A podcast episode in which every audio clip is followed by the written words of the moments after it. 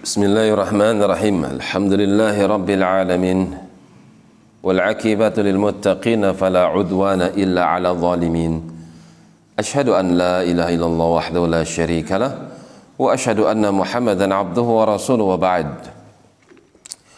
masih di dalam surah Ad-Dukhan sampai pada firman-Nya.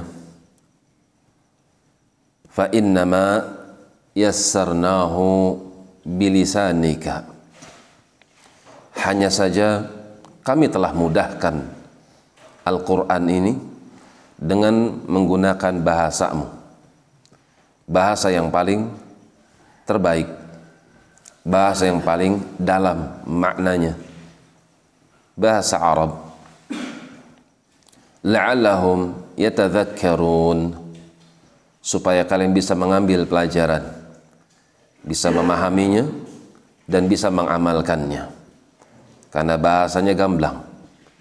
Satu kalimat bisa diartikan dengan berbagai macam kata.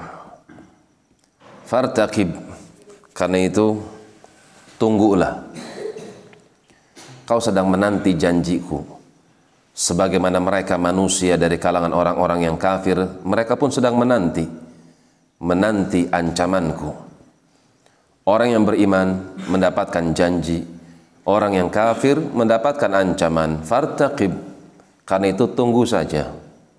Innahum murtaqibun. Sesungguhnya mereka pun sama ya Muhammad sallallahu alaihi wasallam. Mereka pun sedang menanti.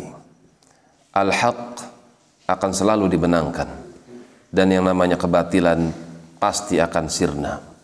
Orang yang berada di atas al-haq dan mati di atasnya, maka dialah yang berhak mendapatkan janji. Dan orang yang mati di atas kekufuran dan dia tutup kehidupannya dengan kekufuran, maka mereka adalah orang-orang yang akan mendapatkan apa yang diancamkan. Demikian selesai tafsir surah Ad-Dukhan. Subhanakallahumma wa bihamdik asyhadu an la ilaha illa anta astaghfiruka wa atubu ilaik. Tafadhalu barakallahu fiikum.